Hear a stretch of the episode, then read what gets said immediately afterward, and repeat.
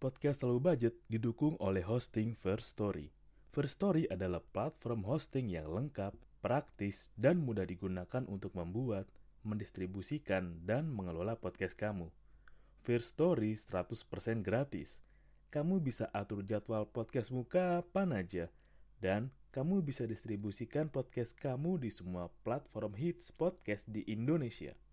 First Story punya fitur keren yang bisa membuat kamu lebih dekat dengan pendengar kamu loh. Sudah penasaran belum sama First Story? Eits, ada lagi nih. Dengan First Story Ads, kamu bisa monetisasi podcast kamu juga. Menarik bukan? Gapai potensi maksimal podcastmu dengan tools dari platform hosting terbaik untuk para podcaster. Daftar sekarang di First Story. Mari bawa mimpi podcastingmu menjadi kenyataan.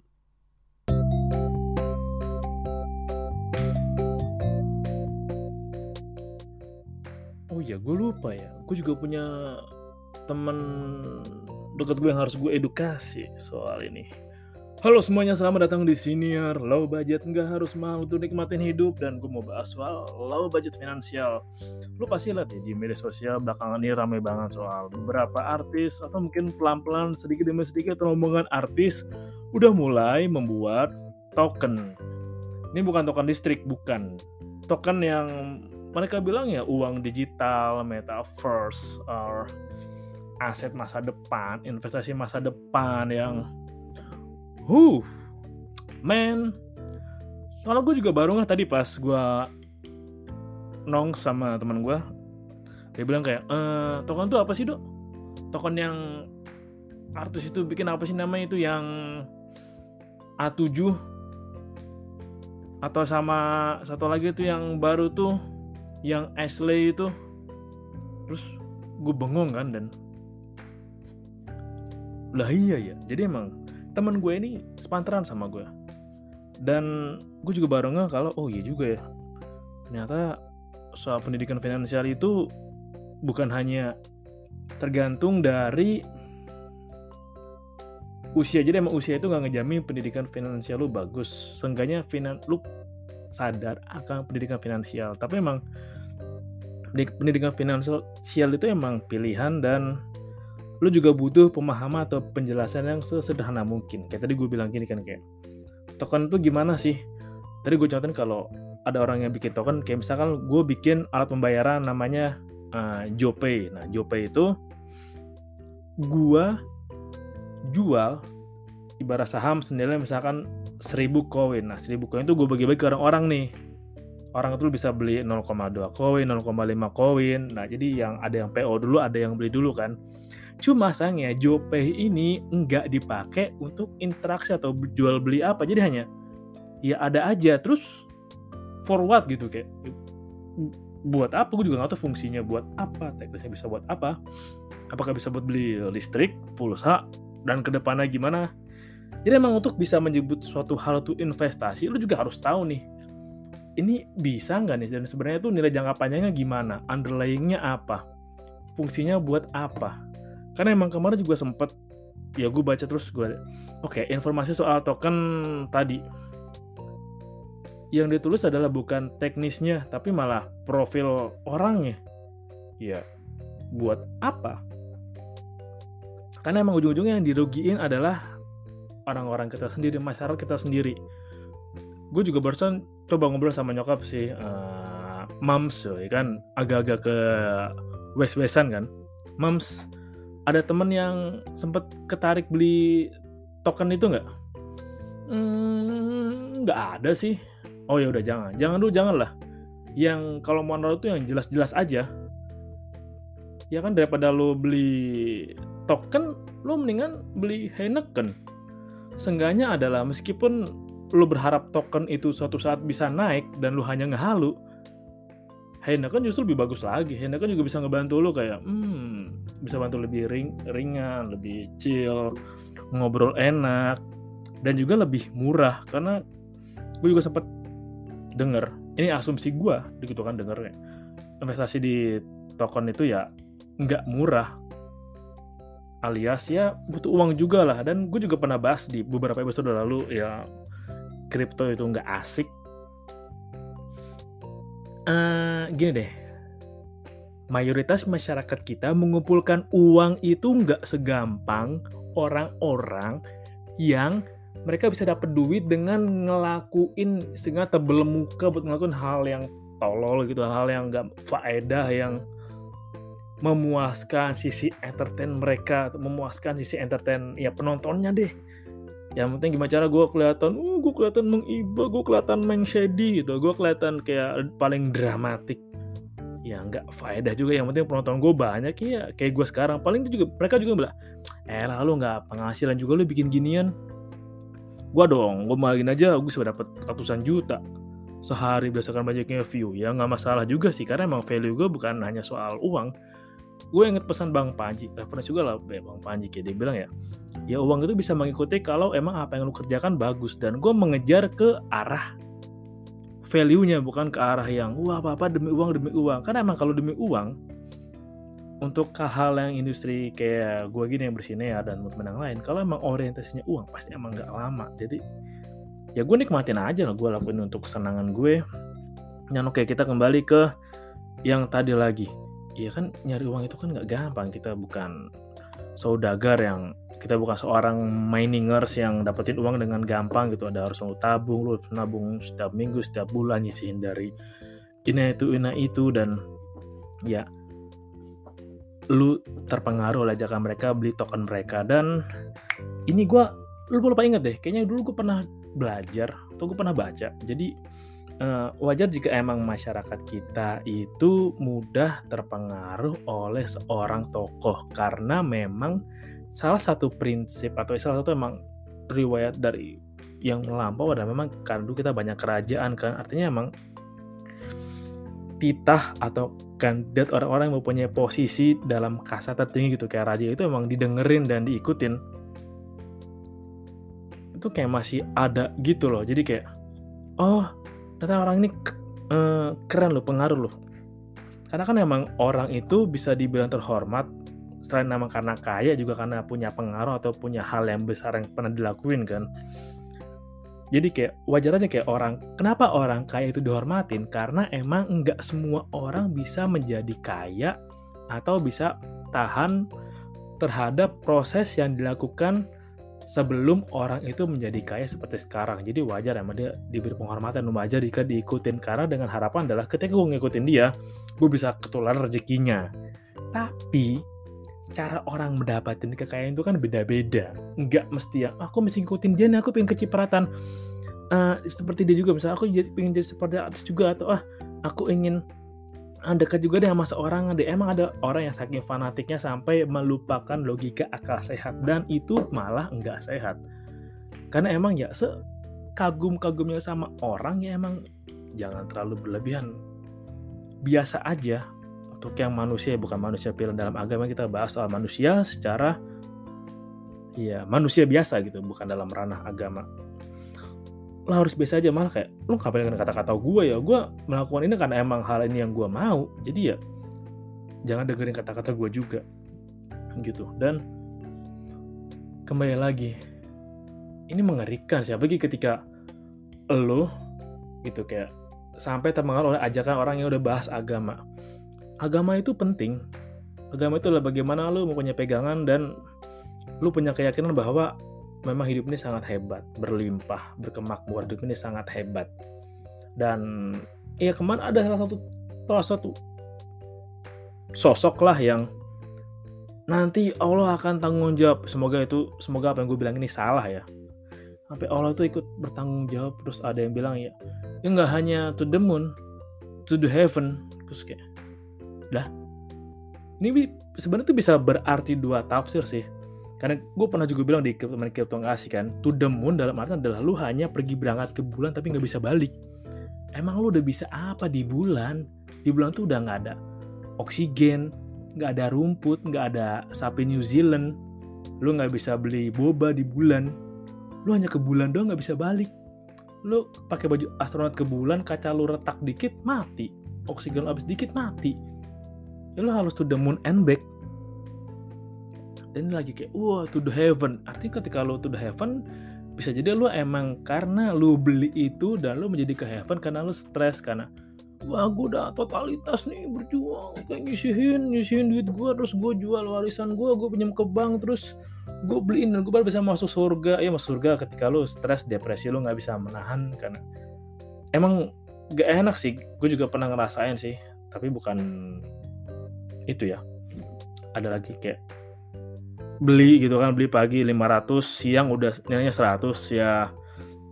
Gue belajar apa yang Pak Warren Buffett bilang ya HODL Heart of Their Life. Jadi ya biasa aja bersikap biasa aja ya. Lo beli ya tetap dipantau dijaga dan lo sampai lakukan rutinitas tapi banyak orang kita kan pengennya ya beli pagi jual siang kaya gitu.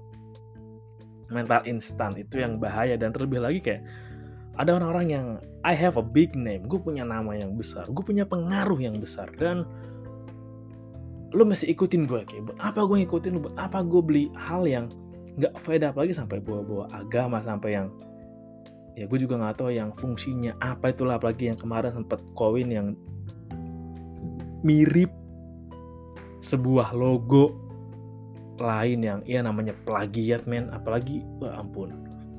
Yang udah bawa-bawa Tuhan bawa-bawa agama ya insya Allah sedekah kayak sedekah sedekah yang tar dulu di sedekah itu harus untuk orang-orang yang membutuhkan. Kalau buat gue kalau gue sedekah ke orang kaya ya gue namanya ngasih. Terus ya buat apa gue beli juga? Ya ujung-ujungnya untung hanya orang-orang itu. Dan yang gue takutin adalah gue juga pernah baca hmm, ini asumsi liar sih dari penulis random di med di medsos. Jangan-jangan emang ada segel, segelintir sekelompok oknum yang pengen menciptakan cara bagaimana mengambil uang dari masyarakat melalui orang-orang ini ya. Sama kayak fenomena waktu para artis bikin toko kue kan. Akhirnya banyak yang gagal dan ujungnya yang kena ya masyarakat lagi. Karena ya lu inget lah apalagi kayak bawa-bawa nama Tuhan yang kemarin tour and travel udah kayak gimana. Dan jangan lupakan sejarah kalau korupsi pertama adalah korupsi yang dilakukan oleh departemen. Silakan lu cari sendiri di internet ada artikelnya. Itu yang sangat bahaya kayak keluguan masyarakat kita kepolosan masyarakat kita disalahgunakan oleh orang kita sendiri. Itu yang bahaya sih demi sekelompok yang ya why gitu. Kalau kata ternyata Muslim dan Coki ya why? Why why why why? Lo bikin token apalagi ada namanya token malaikat. Ada memnya kan token malaikat itu mah evil evil evil evil token. Karena emang buat apa lo beli token itu? Daripada lo beli token bikin puyeng mendingan minum Heineken ya sekali Heineken ya kan? Ya harga terjangkau, lo nggak perlu invest mahal-mahal, nggak perlu lo amatin tiap hari, lo bisa minum sambil ngobrol, sambil interaksi. Siapa tahu dari ngobrol interaksi bisa mendapatkan relasi, ujung-ujungnya relasi ke bisnis, relasi nyambung ke mana-mana mana. Pintu rezeki lo terbuka luas, ya kan dari tadinya lo mengalihkan fungsi lo buat beli token itu yang gue juga nggak tahu fungsinya buat apa. Apalagi ya diterpa kayak isu-isu yang sekarang yang banyak orang yang berasumsi bahwa metaverse banyakkan halusinasi, halu, menghalu. Ada orang-orang yang ya NFT kemarin juga di hack kan, yang OpenSea itu banyak NFT yang diambil dan juga orang pikir bahwa iya NFT ada yang bisa menggantikan masa depan ya. Menurut gue se teknologi menggantikan masa depan namun nggak bisa secara fundamental menggantikan fungsi manusia emang sih kayak Ready Player One itu film yang keren banget dan diharapkan Metaverse adalah Ready Player One yang dibawa ke dunia. Tapi kan ya lo sekali main Ready Player One lo mesti makan juga. Lo mesti makan mandi boker kencing gitu kan atau lo mesti do whatever thing. Nggak bisa di dunia maya meskipun nanti lo ada pil aja yang lo makan online dan lo bisa kenyang mungkin untuk saat tapi emang nggak bisa ngegantiin peran lo kayak in touch dengan manusia lain ya gue nggak tahu dia bagi orang-orang yang nikah dengan karakter waifu atau boneka atau bantal-bantal itulah. Tapi gue sebagai manusia gue pengen banget bisa interaksi dengan normal dengan manusia lain gak dengan yang hologram hologram ya walaupun emang kayak Iron Man kan punya Jarvis gitu kan tapi ya gue mau ngobrol sama orang gue mau interaksi sama orang dan ntar gue minum dulu wow. Damn good. Hmm. Gue masih pantau sekalian gue siapa yang gue khawatir ada anggota keluarga gue yang nggak sadar beli ikutan token itu. Tapi untungnya nggak ada sih. Untungnya sejauh ini belum ya. Dan jangan-jangan dua bulan lagi menjelang puasa ada nih token-token syariah nama apalah. Belajar dari token Squid Game kemarin lah yang lagi filmnya rame tiba-tiba bikin tokennya nanjak tiba-tiba hilang duitnya diambil udah sering kayak gitu kayak yang dari grup kemarin aja yang kalau lu baca cerita grupnya aja selain yang namanya saya koin itu ya wah gue sumpahin lo bla bla uang gue yang tadinya buat ini sekarang tinggal segini doang terus tolong balikin tolong balikin. Ya katanya tuh demun bener tuh demun kan pergi ke bulan bulan-bulan imajinasi gitu yang akhirnya malah ya anjlok melebihi minus parah yang ya yang untung ya pasti yang bikin lah pasti untung karena jual program gitu kan? Para insider yang ini nih gue modalin nih lu buat karyawan lo gaji bikinnya nih misalkan. Ya kalau gue mau berpikir kasar dikit kayak berpikir wild dikit berpikir jauh dikit ya gue mau cuan nih ini lu gue yang orang nih nih lo bikin token nih gue kasih duit 100 juta lu buat lo cari tiga orang bikin gue kasih waktu sekian lu jual sekian lu punya nama kan nah lu bisa balikin gue 300 juta deh selebihnya kalau itu ya buat lo gitu. Bisa aja kita nggak pernah tahu kan. Ya yang penting gue cuan yang penting kita cuan yang penting ya udahlah beli putus. Beli putus putus juga lama-lama kalau sehat orang-orang kita yang rugi siapa? Masyarakat kita lagi lah. Ya lebih baik lo invest di emas lo beli rumah KPR jujur kayak. Ya lebih baik lo cicil beli rumah yang jelas tanah ada gitu beli rumah KPR dibanding lo beli tekan-tekan yang wow lo yakin lo bisa setinggi itu? Yang kemarin katanya dilarang bapak itu udah dilarang tapi aku aku masang tokennya di platform luar kok. Yes platform luar yang malah nggak ketahuan gimana juntrungan nih nah, udah lebih jelas lo saham. Seenggaknya adalah ketika saham tuh lebih keren lagi dibanding lo beli tekan ya. Gue bilang aja ketika beli saham lo berarti mempunyai porsi yang sebagian meskipun kecil tapi lu punya turut andil di perusahaan itu perusahaan TBK itu. Atau ya sekarang lu ada Santara bisnet akseleran. Lu bisa bantu UMKM lu bisa bantu tetangga lu usaha tetangga lu usaha teman sekolah teman kuliah lu yang pengen ngembangin bisnis yang pengen buka banyak lowongan untuk orang lain itu lebih jelas kelihatan. Dibanding yang wah gue juga ya mungkin kalau secara tolol nih kayak gue nggak bisa megang itu benda tekennya terus gimana dong? Gue nggak bisa gue nggak bisa megang nih. Terus gimana gitu kan? Emang sih ada emas digital tapi emas digital bisa ditarik. Tapi kalau tekan digital gue nanti pakai apa nih? Dikirimin nih koin karambol gitu dalam tapi di dekor kayak namanya saya koin gitu atau A7 koin. Gitu. Ah gue juga nggak tahu tapi yang jelas udah masyarakat udah ada yang jadi korban udah ada yang rugi. Ya kemarin saya koin aja yang anggotanya kemarin gue liat di grup itu yang nggak banyak. Dan ya udah komennya nggak dibales. Udah. Wow. Kayak lagunya Simple Plan yang When I'm Gone ya ketika gue pergi ya udah gue pergi. Gue nggak tahu mau ke mana dan ya udah lo gue beli putus dan yang penting grup ada gue dapet cuan ya jawab jawab kata-kata manis aja sama kayak ya halusinasi goblok dari orang-orang yang berharap oh nih kita server nih kita di bulan nih Alan Mas investasi di platform kita nih. Ada lah lu nanti cari tahu aja deh itu juga deh. Dan jangan sampai kayak gitu ya. Mungkin ada yang bilang kayak yang beli token-token itu ya ibu-ibu yang kena karma yang kalau beli apa kalau belok sen kiri tapi belok ke kanan. Ya gue juga nggak tahu sih tapi emang ya itu kan duit dan gue juga pernah nemu juga sih jadi kayak satu kata-kata bijak soal duit jadi ya duit itu penting karena dia seperti indera keenam buat kita. Duit bisa membantu kita memaksimalkan lima indera yang kita punya. Ya, indera keenam duit. Nah, gue gak tahu setuju enggak, tapi ya masuk akal juga sih. Dan ya udah daripada beli gitu mending lu tabung pelan-pelan aja lu bisa beli emas dikit-dikit. Kayak emas digital juga murah kok udah bisa beli sepuluh ribuan udah dapet kok sepuluh ribuan dapet nggak ya? Sepuluh ribuan ada bisa dapet kok emas digital nabung aja pelan-pelan. Nggak apa-apa daripada lu beli kayak gitu nggak ada wujudnya terus ya dijual lagi juga harganya fluktuatif terlalu ekstrim gitu kan yang ya jam 8 lewat 5 harganya 10 8 lewat 10 harganya udah 6 Hah, ya berpikir logika aja. Sekarang ini kan makin sulit. Ya ada juga hal yang kemarin lagi rame kan soal BPJS itu. Jadi seenggaknya kita harus pintar-pintar masyarakat untuk bisa autopilot sendiri survival sendiri lah lakukan yang terbaik buat kita aja buat keluarga kita buat orang kita sayang. Dan kalau mau investasi jangan pakai uang panas. Pakai uang minjem ojol lah pakai uang sekolah lah. Pakai uang senggang aja. Emang seninya di situ seni sabar nabungnya sih. Ya pintar-pintar lu tahu lewat mana uang lu bisa tetap nggak berkurang gitu tiap bulan tetap nambah.